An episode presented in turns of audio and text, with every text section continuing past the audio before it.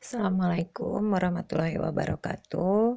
Uh, kita akan coba bahas mengenai perubahan karakteristik BBL yang di, ada di slide-nya Bu Asri ya.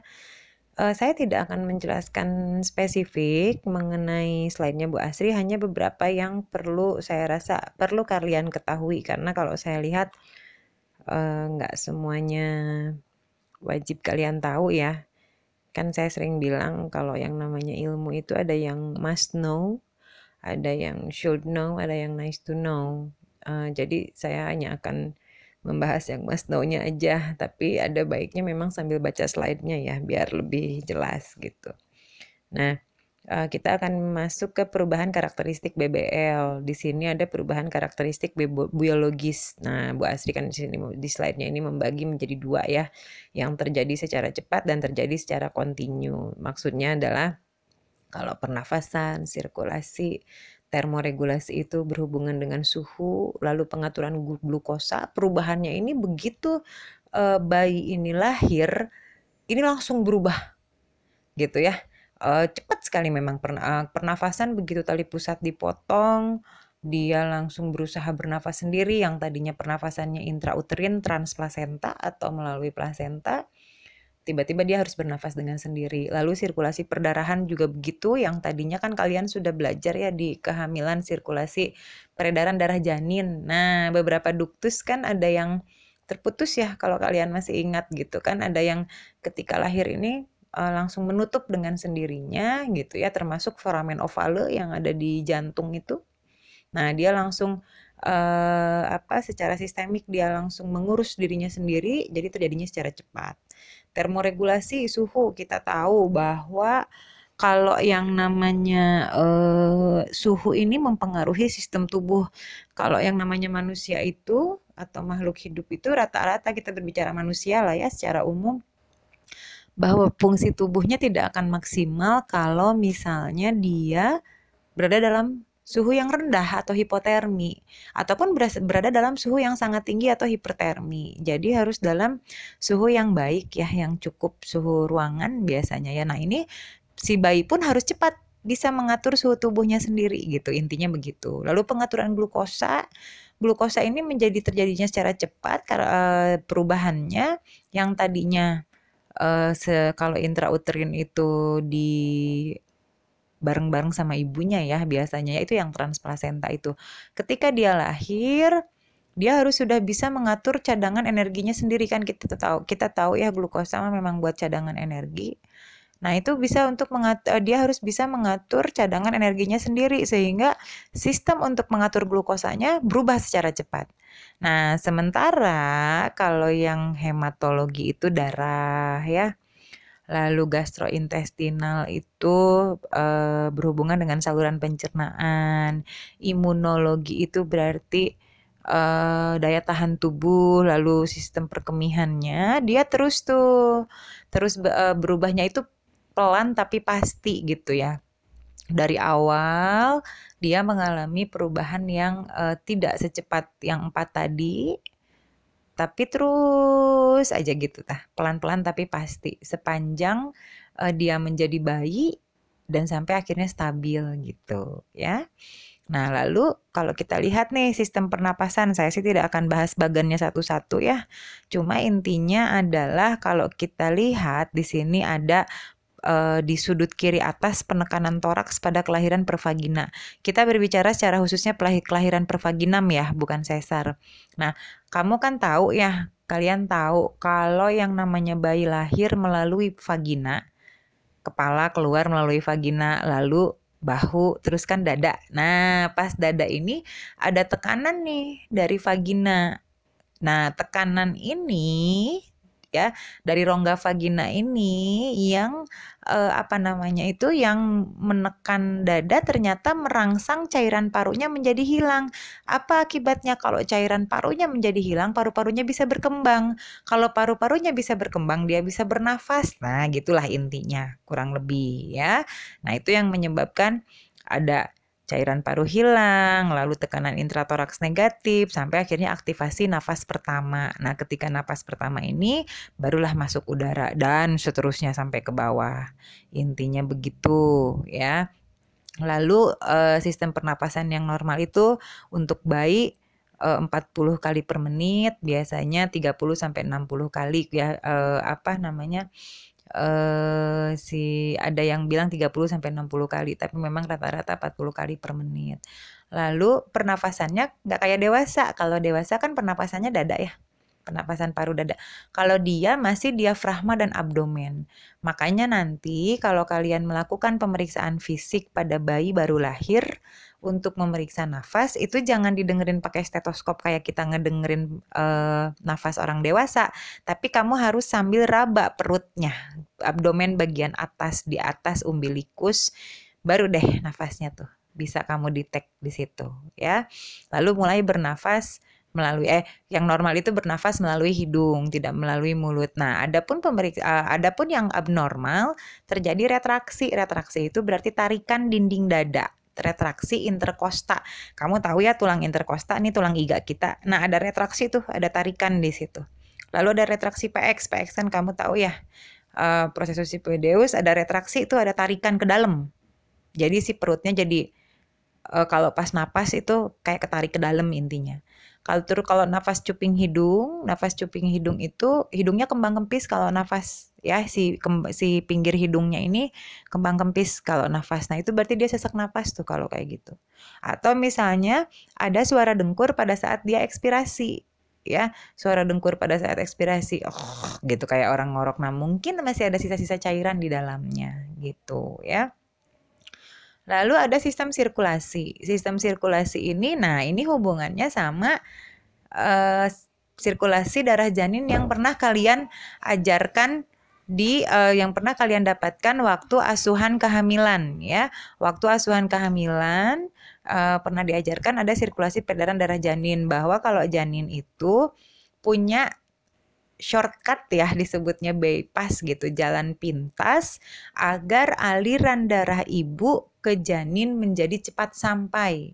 Masya Allah ya itu menjadi cepat sampai. Nah, ketika tali pusatnya diklem saat dia lahir, ya otomatis kan aliran darah dari plasenta langsung menurun tuh ya langsung menurun sehingga otomatis juga si bypass bypass yang ductus venosus ya arantii yang itu loh ductus venosus botali venosus arantii nah itu langsung tertutup tek otomatis tertutup ya.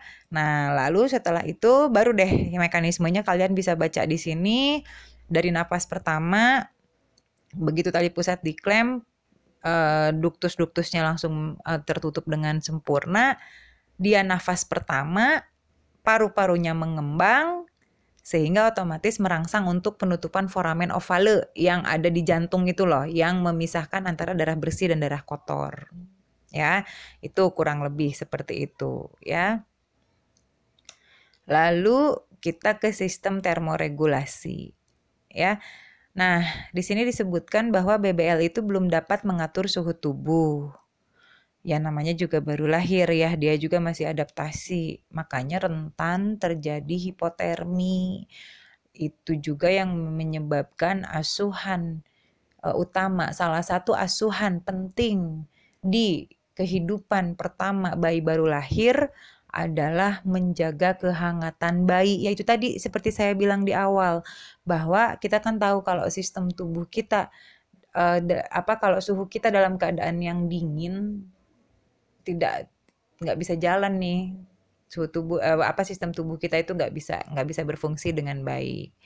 Nah ya uh, apa namanya mungkin kalian kan udah sering ya mengetahui yang evaporasi konduksi, radiasi, sama apa satu lagi saya lupa tuh yang mekanisme kehilangan panas itu ya evaporasi, konduksi, konveksi dan juga radiasi. Nah, salah satunya itu suhu dingin yang yang apa yang ada di ekstrauterin itu salah satunya adalah air ketuban yang ada di tubuh bayi menguap nih lewat kulit.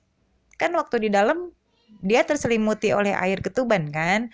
Begitu lahir kering. Kenapa? Air ketubannya menguap. Nah, ini bisa menyebabkan hipotermi. Ya, sehingga disebutkan di sini uh, pembentukan suhu tanpa mekanisme menggigil. Uh, gini ya, saya ngejelasinnya memang uh, ini makanya saya bilang bahasanya agak-agak berat ya di slide-nya Bu Asri ini. Memang butuh mencerna lebih banyak dan dibutuhkan ilmu-ilmu kalian sebelumnya. Jadi gini, Neng. Kalau di bayi baru lahir itu ada yang namanya brown fat. Nanti tolong googling ya kalau penjelasan dari saya kurang jelas. Ada yang namanya brown fat. Brown fat itu artinya lemak coklat judul lagi guys brown fat ya. Artinya adalah lemak coklat. Jadi sama Gusti Allah itu ya dikersaning dikersaning bahwa kalau bayi baru lahir karena seperti tadi dibilang belum bisa mengatur suhu tubuhnya sendiri dibekelin yang namanya lemak kan dia belum punya uh, untuk membentuk lemak ya jadi gini seseorang bisa membentuk lemak dalam tubuhnya kalau dia sudah makan. Ya kan? Kita makan ya, kita makan lalu makanan kita diolah menjadi energi gitu kan ya. Yang tidak terolah menjadi energi disimpan dalam bentuk glikogen untuk nanti suatu saat dipakai kalau dibutuhkan cadangan energi, kalau dibutuhkan uh, cadangan energi. Nah, untuk bayi baru lahir kan belum makan, kalaupun dia langsung menyusui dari ibu, belum banyak lemaknya gitu ya. Kalaupun dia IMD-nya berhasil lalu dia bisa menyusui belum banyak lemaknya. Namanya juga baru makannya dia juga masih adaptasi untuk pencernaan mencernanya dan lain sebagainya. Tapi sama Gusti Allah di kersaning dia dibekelin yang namanya brown fat ya. Jadi kalau misalnya di awal kehidupan kayak dia air ketuban menguap lewat kulit, dia belum bisa memproduksi panas sendiri karena belum ada uh, cadangan lemaknya, si brown fat ini dibakar, lemak coklat ini dibakar untuk menciptakan panas meh biar dia tidak terlalu kedinginan ya. Dan si brown fat ini ter terdapat lokasinya tuh hampir di seluruh tubuh dari mulai trachea sampai ke ekstremitas gitu ya, hampir di seluruh tubuh ini ada. Ya, ini ada dan dia bisa meningkatkan panas tubuh sampai 100%. Masalahnya brown fat ini tidak bisa diproduksi ulang. Kalau sudah habis, ya wes habis jatahnya digantikan oleh lemak yang sesungguhnya real fat. Itulah lemak yang kita punya ya. Jadi kalau kalian masih punya brown fat, mungkin kalian bayi baru lahir kalau kayak begitu ya. Jadi eh, apa namanya itu brown fat ini ini adalah semacam perlindungan ekstra untuk bayi baru lahir dan dia akan habis, tidak akan bisa tergantikan. Oleh karena itu, kenapa di kehidupan pertama bayi baru lahir itu harus cepat dikasih ASI agar lemak sesungguhnya cepat terbentuk. Jadi kalau nanti brown fatnya habis, dia sudah punya dia sudah punya lemak sendiri untuk memproduksi panas gitu loh maksudnya. Ya. Di dia sudah punya lemak sendiri untuk memproduksi panas gitu loh maksudnya ya. Jadi eh, apa namanya tidak tidak lagi dia kedinginan um, karena brown fatnya sudah habis gitu ya. Itu maksudnya brown fat atau lemak coklat. Ya, nah ini disebutkan lagi kalau bayi kedinginan di slide berikutnya ada dia bisa hipoglikemi, bisa hipoksia, bahkan bisa asidosis. Asidosis itu keracunan, ya.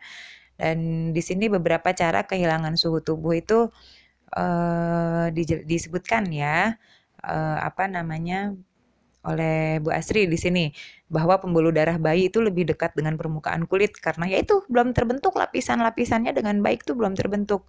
Otomatis kalau pembuluh darah bayi lebih dekat ke permukaan kulit, saraf-saraf di situ juga lebih banyak sehingga dia lebih mudah menerima dingin daripada kita gitu ya. Terus kan memang permukaan tubuh bayi mah lebih besar, lebih lebar gitu daripada berat badannya gitu. Jadi lega permukaannya ini sehingga reseptor-reseptor dinginnya menjadi lebih banyak gitu. Lalu kontrol vasomotor BBL belum berkembang dengan baik.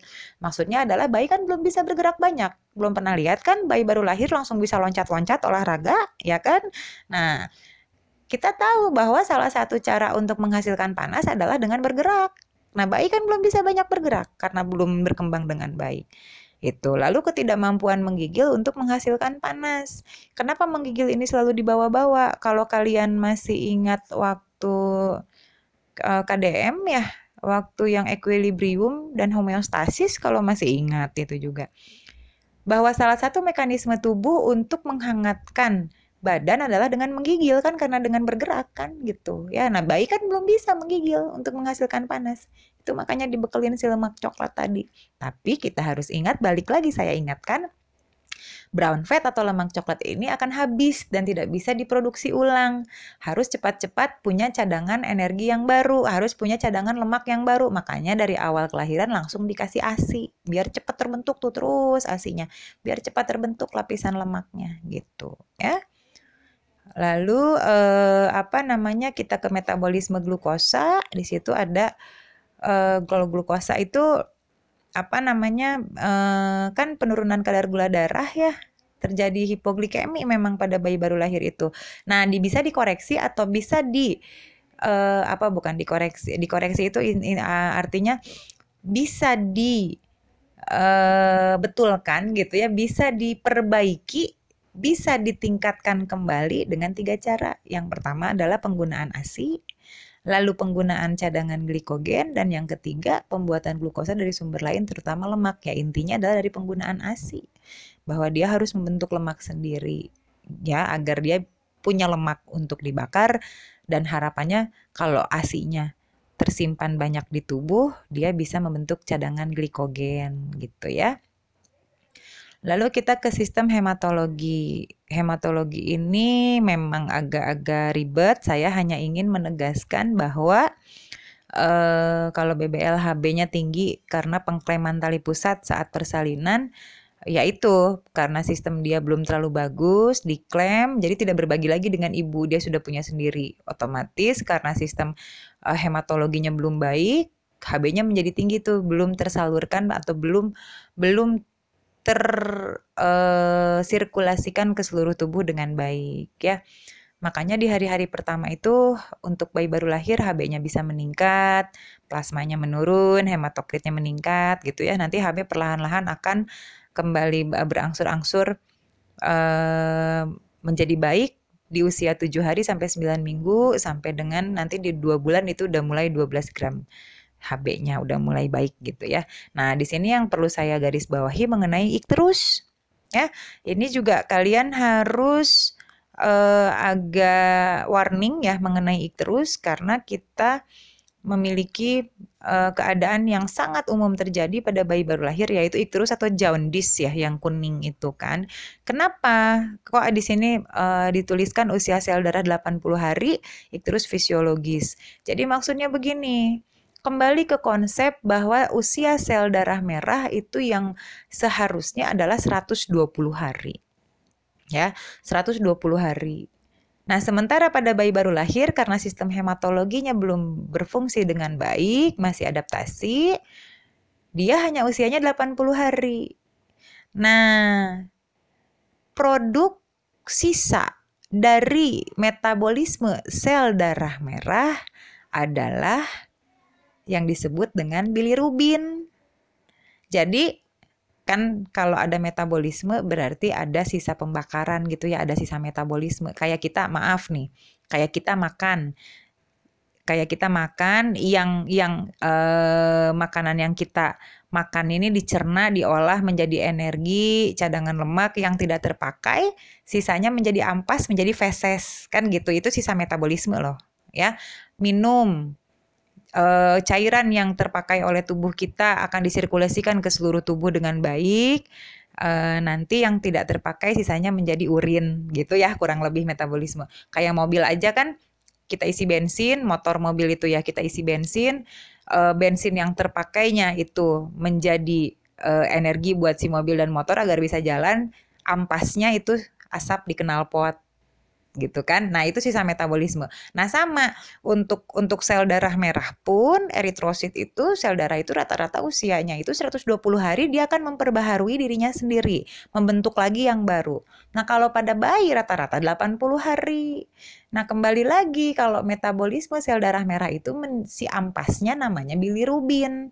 Nah, itu yang membuat menjadi kuning karena katanya bilirubin itu warnanya kuning katanya ya yang pernah lihat. Nah, otomatis 80 hari pecah sel darah merah digantikan dengan yang baru. Nah, bilirubinnya kan numpuk tuh. Sementara hepar yang fungsinya memetabolisme bilirubin ini belum bisa berfungsi dengan baik. Harusnya bilirubin ini dibuang, diekskresikan gitu ya, diekskresikan lewat urin atau feses. Itu yang membuat urin kalian kuning. Itu yang membuat feses kalian kuning atau coklat karena kalau coklat itu dari sterkobilin. Sterkobilin itu salah satu jenis bilirubin. Katanya sterkobilin mah agak-agak coklat warnanya. Nah, kalau bayi karena karena mekanismenya belum baik, belum sempurna, si bilirubin yang harusnya keluar lewat urin dan keluar lewat feses malah terkumpul kembali di dalam tubuh. Tidak termetabolisme oleh hati dengan baik karena hatinya belum berfungsi dengan baik. Itu yang menyebabkan bayi baru lahir menjadi kuning. Tapi ada batasannya. Ini harusnya dibahas nanti pada saat materi terus ya, tapi nggak apa-apa saya bahas sedikit. Tapi ada batasannya penumpukan bilirubin ini dianggap fisiologis ya, ikterus ini dianggap fisiologis kalau dia terjadi di hari kedua sampai hari ke-14 setelah lahir. Kalau dia terjadinya di 24 jam pertama atau setelah hari ke-14 itu patologis. Itu nanti silahkan nanti kalian bahas ada materinya tersendiri ya. Itu menjadi patologis gitu. Kenapa seperti itu kok jadi patologis? Karena di hari pertama kan harusnya belum terjadi belum terjadi pemecahan sel darah merah, rada aneh kalau dari lahir udah ik terus, berarti ada sesuatu itu. Ya, jadi kalau kamu melihat ada bayi baru lahir jaundice atau kuning atau ik terus di hari kedua sampai hari ke-14, nah nanti kan ada sistem pemeriksaannya tuh yang memakai derajat Kramer namanya ya. Itu fisiologis penata laksanaannya seperti apa nanti silahkan kalian bahas di materi berikutnya. Gitu maksudnya ya yang gitu uh, apa namanya itu untuk uh, ikterus fisiologis. Trombosit itu kalau trombosit kita tahu ya dia keping darah kan trombosit itu ya platelets ya bahasa Inggrisnya. Uh, dia hampir sama dengan dewasa, hampir sama namanya hampir berarti serupa tapi tak sama ya. Nah, tapi ada defisiensi menyeluruh pada faktor pembentuan, pembekuan. Jadi maksudnya adalah karena trombositnya ini juga belum sempurna, kita tahu bahwa salah satu fungsi trombosit adalah untuk membekukan darah. Kalau trombositnya rendah atau dikatakan trombositopenia, trombosit rendah itu ya, dikatakan trombositopenia, dia kan nggak bisa membeku tuh darahnya ya. Makanya pada pasien-pasien DBD itu terjadi tuh trombositopeni. Entah kenapa trombositnya menurun rawan terjadi perdarahan internal di dalam. Makanya kalau pasien DPD DBD yang sudah parah itu dia mudah mimisan gusinya berdarah perdarahan lambung gitu ya seperti itu. Nah pada bayi karena dia masih belum sempurna trombositnya sehingga untuk faktor pembekuan darah kan berarti ada yang kurang nih trombosit ya karena belum sempurna tadi. Makanya perlu diberikan suntikan vitamin K gitu ya. Kalian masih ingat kan dalam persalinan ya diberikan uh, vitamin K di satu jam pertama apa dua jam pertama gitu ya bergantian dengan imunisasi hepatitis B yaitu mencegah perdarahan uh, terutama intrakranial terutama perdarahan terutama perdarahan intrakranial ya Nah, sekarang kita masuk ke sistem pencernaan ya. Di sini dikatakan bahwa beberapa jenis uh, zat gizi itu belum mampu uh, diserap dengan wajar. Ya itulah karena masih adaptasi ya. Terus kapasitas lambung BBL itu hanya 30 cc karena sambungan antara esofagus dengan lambungnya belum sempurna. Itu yang sering menyebabkan regurgitasi. Regurgitasi itu muntah, olap, gumoh ya. Karena sambungannya belum sempurna. Jadi kalau minum ASI itu uh, apa namanya Nah, uh, itu yang dikatakan tadi balik lagi regurgitasi atau muntah gitu ya. Muntah biasa ya, bukan muntah yang nyemprot. Muntah muntah nyemprot itu disebut proyektil ya. Bukan muntah yang proyektil begitu, tapi muntah biasa gumoh gitu ya, asinya keluar lagi.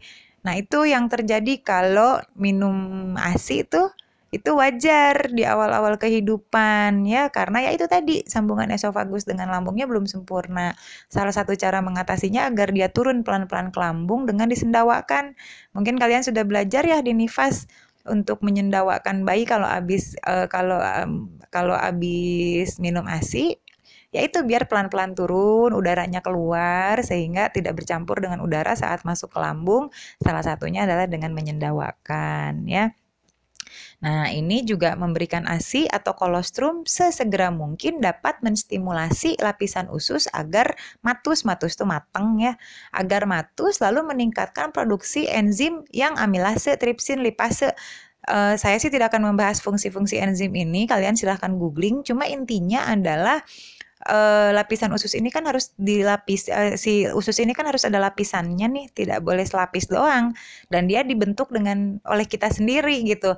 Salah satunya adalah uh, salah satunya adalah dengan uh, ini dengan memberikan ASI dia bisa membentuk itu gitu ya dan ya itu tadi meningkatkan produksi enzim-enzim yang sangat bermanfaat untuk tubuh gitu ya. Lalu bising usus itu dapat didengar satu jam setelah lahir. Yang kerebek kerebek kerebek kerebek kerebek kalau di perut ya. Jadi kalau sebelum satu jam ya nggak usah dulu karena kan baru dikasih asi dalam satu jam ya biasanya. Biarkan dia dicerna dulu baru dia terjadi bising usus ya. Lalu eh, apa? Tidak dapat tidak terdapat bakteri dalam saluran cerna karena masih baik ya ininya anal dan juga oral gitu ya. Lalu eh, kolon kolon itu berarti usus bagian bawah ya yang yang mendekati ke rektum itu di BBL belum bagus menyerap cairannya, mengabsorpsi cairannya belum bagus tuh dia. Sehingga makanya kalau pada bayi baru lahir apalagi minumnya ASI, kalau nanti kamu lihat ya fesesnya pasti ada airnya kebuang. Nah, itu juga yang menyebabkan si bayi mudah kehilangan cairan yang harusnya cairannya. Kan maaf nih ya, jadi ngebayangin yang agak jorok-jorok. Kalau kita pup, kalau kita BAB, orang dewasa nih maksudnya kan jarang beserta air. Gitu loh ya, karena si cairannya sudah diserap waktu di kolon. Tinggal fesesnya aja gitu. Nah, kalau bayi baru lahir biasanya itu dengan cairannya tuh keluar. Gitu, dengan cairannya keluar. Jadi uh, mudah kehilangan cairan. Udah mah dia dapat cairannya masih sedikit ketambah lagi keluar deh jadi ya itu bisa kehilangan cairan ataupun bisa terjadi uh, diare gitu ya. Oke kita masuk ke uh, imunitas. Nah ini juga agak ribet ya. Uh, yang jelas perlindungannya itu yang pertama ada di kulit dan mukosa lapisan selaput ya kalau mukosa itu kalau kita berbicara mukosa itu kayak lidah yang basah-basah tuh lidah, rongga vagina itu kan agak basah-basah gitu ya itu mukosa namanya tuh ya. Nah, e, di bawah kulit gitu, di kulit dan mukosa. Lalu ada lagi e, dia barrier tuh pelindung perlindungannya lagi sistem perlindungannya lagi di saluran nafas karena kan yang paling banyak dipakai itu saluran nafas dan juga saluran cerna ya gitu. Itulah intinya untuk slide yang ini. Kita masuk ke slide berikutnya. Uh, kalau yang imunitas alami pada tingkat sel saya tidak terlalu banyak bahas ya kalau yang itu uh, itu mangga dibaca aja. Lalu kita masuk lagi ke imunitas yang didapat ada IgG, IgM, IgA. Saya juga nggak ngerti-ngerti banget sebetulnya mengenai sistem imunitas secara keseluruhan. Cuma yang saya tahu begini, kalau IgM berarti imunoglobulin M itu adalah uh, antibody ya. Uh, kita ke konsep antibodinya dulu secara umum. Antibody itu adalah zat kimia yang ada di dalam tubuh yang akan dikeluarkan oleh tubuh kalau ada bakteri menyerang virus menyerang gitu kan ya. Nah, antibody ini teh macam-macam. Ada ibu imunoglobulin A, imunoglobulin E, kalau saya nggak salah ya, imunoglobulin G, imunoglobulin M, seingat saya tuh ya. Entah kalau ada lagi, mangga silahkan googling ya. Nah, IgM atau imunoglobulin M adalah antibody yang pertama kali dikeluarkan saat terjadi infeksi yang pertama kali tubuh dikeluar, mengeluarkan antibodi itu kalau ada infeksi diserang itu oleh IgM. Makanya kalau kamu periksa lab, pasien ada periksa lab, IgM-nya tinggi berarti baru nih infeksinya. Karena harusnya ketika sudah mulai bisa diserang IgM-nya akan turun. Tergantikan oleh IgG ataupun IgA. Karena IgG dan IgA ini menjadi mirip-mirip ya, imunoglobulin G ataupun imunoglobulin A. Gitu. Selama proses infeksi ini masih terjadi, imunoglobulin G dan imunoglobulin A ini akan tetap tinggi biasanya. Saya tuh kalau saya nggak salah gini, imunoglobulin G itu ada di saluran apa saya juga lupa-lupa inget ya imunoglobulin A ada di saluran apa gitu cuma bedanya dengan IgM IgM imunoglobulin M yang pertama kali dikeluarkan ketika terjadi infeksi apa ya kalau dalam catur mah pionnya gitu ya pion paling depannya itu dia nah nanti lama-lama si pion ini akan mundur teratur kalau si virusnya sudah mulai bisa diserang dulu tapi belum mati banget tapi dia sudah bisa diserang gitu pertahanan virus atau bakterinya sudah mulai rontok, maju deh yang IgG ataupun IgA. IgM-nya baru deh menurun, gitu intinya. Seperti itu, ya. Nah, intinya adalah neonatus itu kan ya namanya sistemnya belum pada stabil, ya rentan lah terhadap infeksi. Gitu, ya. Lalu uh, waktu masih di dalam uh, rahim ibu waktu intrauterin imunitasnya itu sifatnya IgG dari ibu ke janin transplasenta lewat plasenta. Jadi kalau menemukan kalimat transplasenta berarti lewat plasenta gitu ya. Dari ibu ke janin ya kan janin apa-apa dapatnya dari ibu ya. Termasuk antibodi atau imunitas. Nah, yang diturunkan adalah IgG gitu ya. Nah, otomatis kalau kalau sudah dipotong tali pusat, sudah diklaim plasenta sudah menjadi benda asing gitu ya. Nah, sudah tidak ada lagi tuh sumbangan antibodi dari ibu ke janin otomatis kan IgG-nya turun tuh ya turun. Nah, itu yang dikatakan di paling bawah tuh respon antibodi seutuhnya terjadi bersamaan dengan pengurangan IgG yang didapat pranatal. Jadi maksudnya adalah ketika tali pusat ini dipotong, diklem, otomatis dari plasenta udah nggak dapat lagi IgG, turunkan pertahanannya. Sementara IgM dan IgA belum bisa terlalu aktif maksimal. Makanya neonatus itu menjadi sangat rentan terhadap infeksi. Itu maksudnya ya. Lalu kita masuk ke sistem per perkemihan ya. E, sistem perkemihan ini kan tadi dikatakan bahwa dia perubahannya terjadi secara kontinu ya terus menerus gitu ya. Banyak defisit struktural dan fungsional di sistem perkemihan maksudnya itu e, maksudnya ketika baru lahir itu fungsinya secara struktur atau anatomi, secara fungsinya atau fisiologinya sistem perkemihan ini turun gitu ya karena baru lahir adaptasi. Tapi dia kan tadi akan terus berkembang terutama di bulan pertama kehidupan gitu ya. Lalu uh, intinya adalah yang perlu digarisbawahi di sini banyak kehilangan natrium dan ketidakseimbangan elektrolit ya itulah karena belum stabil ya ketidakseimbangan cairan intinya dan di, di 48 jam pertama uh, urin yang terbentuk sekitar 30 sampai 60 cc gitu ya. Nah, kalau yang dibilang penurunan aliran darah ginjal dan filtrasi glomerulus ya intinya ginjalnya kan fungsinya belum maksimal sehingga cairan yang harusnya termetabolisme dikeluarkan lewat urin tidak menumpuk di dalam tubuh, ini malah jadi numpuk dalam tubuh. Makanya dikatakan ada retensi cairan. Retensi itu berarti tahanan cairan, ketahan cairannya di dalam tubuh. Makanya menjadi bayi ini lebih mudah intoksikasi air. Intinya adalah keracunan air karena e, lebih mudah rentan terjadi intoksikasi air, jadi mudah keracunan air karena masih numpuk tuh dalam tubuh karena fungsi perkemihannya belum terlalu sempurna, ya gitu. Makanya urin yang dihasilkannya pun kan baru sedikit, gitu ya. Nah, ini sistem hepatika ini sebetulnya kalau lihat bagannya yang tadi saya ceritakan mengenai metabolisme sel darah merah sehingga ada bilirubin. Sebetulnya gitu sih ya intinya dari soal biru bilirubin direct, indirect, terkonjugasi, tidak terkonjugasi, itu nanti akan dibahas di uh, materi terus ya. Lebih lengkapnya akan ada di situ. Cuma intinya si konjugasi bilirubin ini di slide yang sistem hepatika ini yang tadi saya cerita bahwa sel darah merah kalau termetabolisme dia akan menyisakan hasil atau ampas yang dikatakan bilirubin sehingga bisa menyebabkan ikterus intinya begitulah. Nah, yang memetabolisme kenapa ada di sistem hepatika? Karena yang memetabolisme bilirubin adalah hepar. Gitu ya. Nah, ini terus fisiologis tadi saya sudah banyak bahas ya. Gitu ya. Coba saya baca dulu yang Nah, kalau soal periode bayi baru lahir normal nih yang adaptasi bayi baru eh, lahir harusnya ya terhadap kehidupan di luar uterus.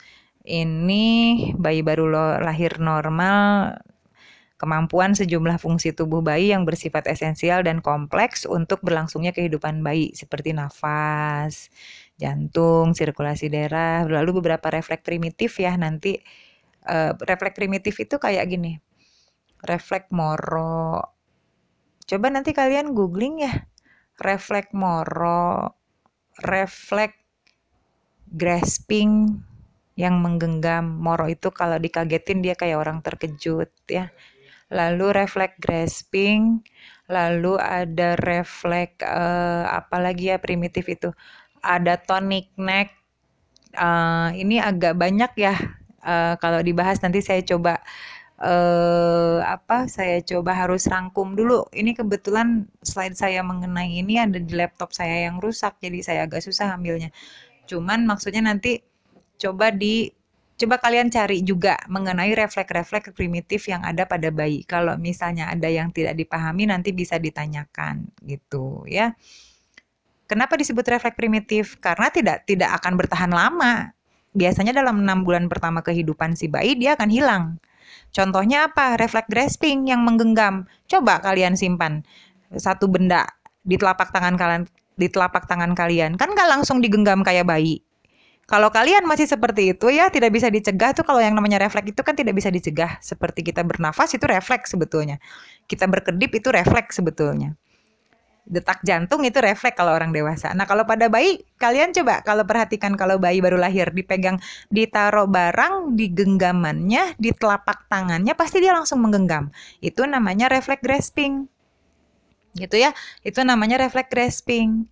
Nah, refleks grasping ini hanya akan bertahan paling sampai enam bulan aja. Paling hanya sampai enam bulan aja gitu. Sisanya udah nggak ada lagi. Buktinya kalian sekarang kalau udah besar disimpan barang di telapak tangan udah nggak menggenggam lagi kan? Kalau kalian masih seperti itu waduh ada kelainan saraf kalau kalau kayak begitu gitu. Nah itu yang dikatakan refleks-refleks primitif. Disebut primitif karena memang terjadinya hanya di awal-awal pertama kehidupan bayi saja tidak tidak akan uh, lanjut sampai seterusnya gitu ya. Nah, di sini ada periode transisional pada bayi baru lahir ya. Uh, dia ada tiga periode. Uh, lalu yang pertama itu periode pertama reaktivitas, lalu ada fase tidur, ada periode kedua reaktivitas. Uh, ini kayaknya dibaca aja ya kalau ini mah karena ini sifatnya apa ya sifatnya itu hafalan ya kalau ini. Nah, uh, ada frekuensi jantung uh, di sini tuh untuk di periode pertama reaktivitas itu apa yang harus kita lakukan gitu ya. Lalu fase tidur.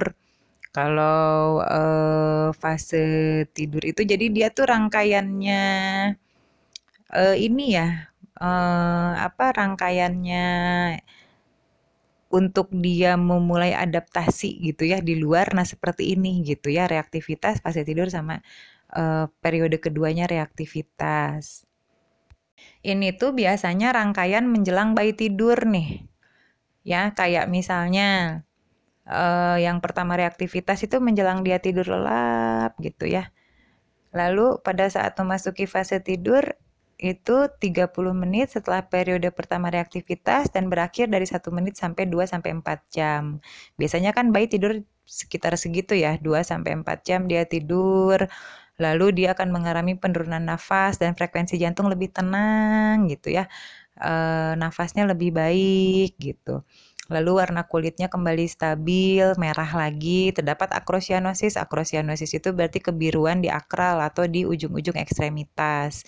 Kenapa begitu? Yaitu karena sistem hematologi bayi, sistem peredaran darah bayi kan belum sempurna sehingga kadang belum bisa menjangkau sampai ke tepi atau perifer gitu ya belum bisa menjangkau sampai ke situ.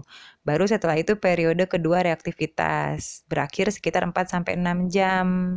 Dia sudah mulai sensitif terhadap uh, ini terhadap lingkungannya gitu ya, mulai mulai bisa dibangunkan gitu kan. Lalu uh, dikatakan di sini uh, mulai mengeluarkan mekonium dan berkemih, peningkatkan sek, peningkatan sekresi musuk, mukus yang berlebihan. Mukus tuh uh, ludah ya yang berlebihan, makanya suka keselak tuh kalau habis tidur tuh kayak gitu ya. Seperti itu. Itu paling yang bisa saya jelaskan mengenai mengenai slide yang pertama ini ya. Mudah-mudahan bisa membantu. Kalau memang ada pertanyaan silahkan nanti bisa kita diskusikan. Mudah-mudahan waktunya mencukupi. Kalaupun tidak cukup, kita coba akali apakah dengan Google Classroom kah atau misalnya di WA Group kah. Uh, seperti itu ya. Terima kasih. Assalamualaikum warahmatullahi wabarakatuh.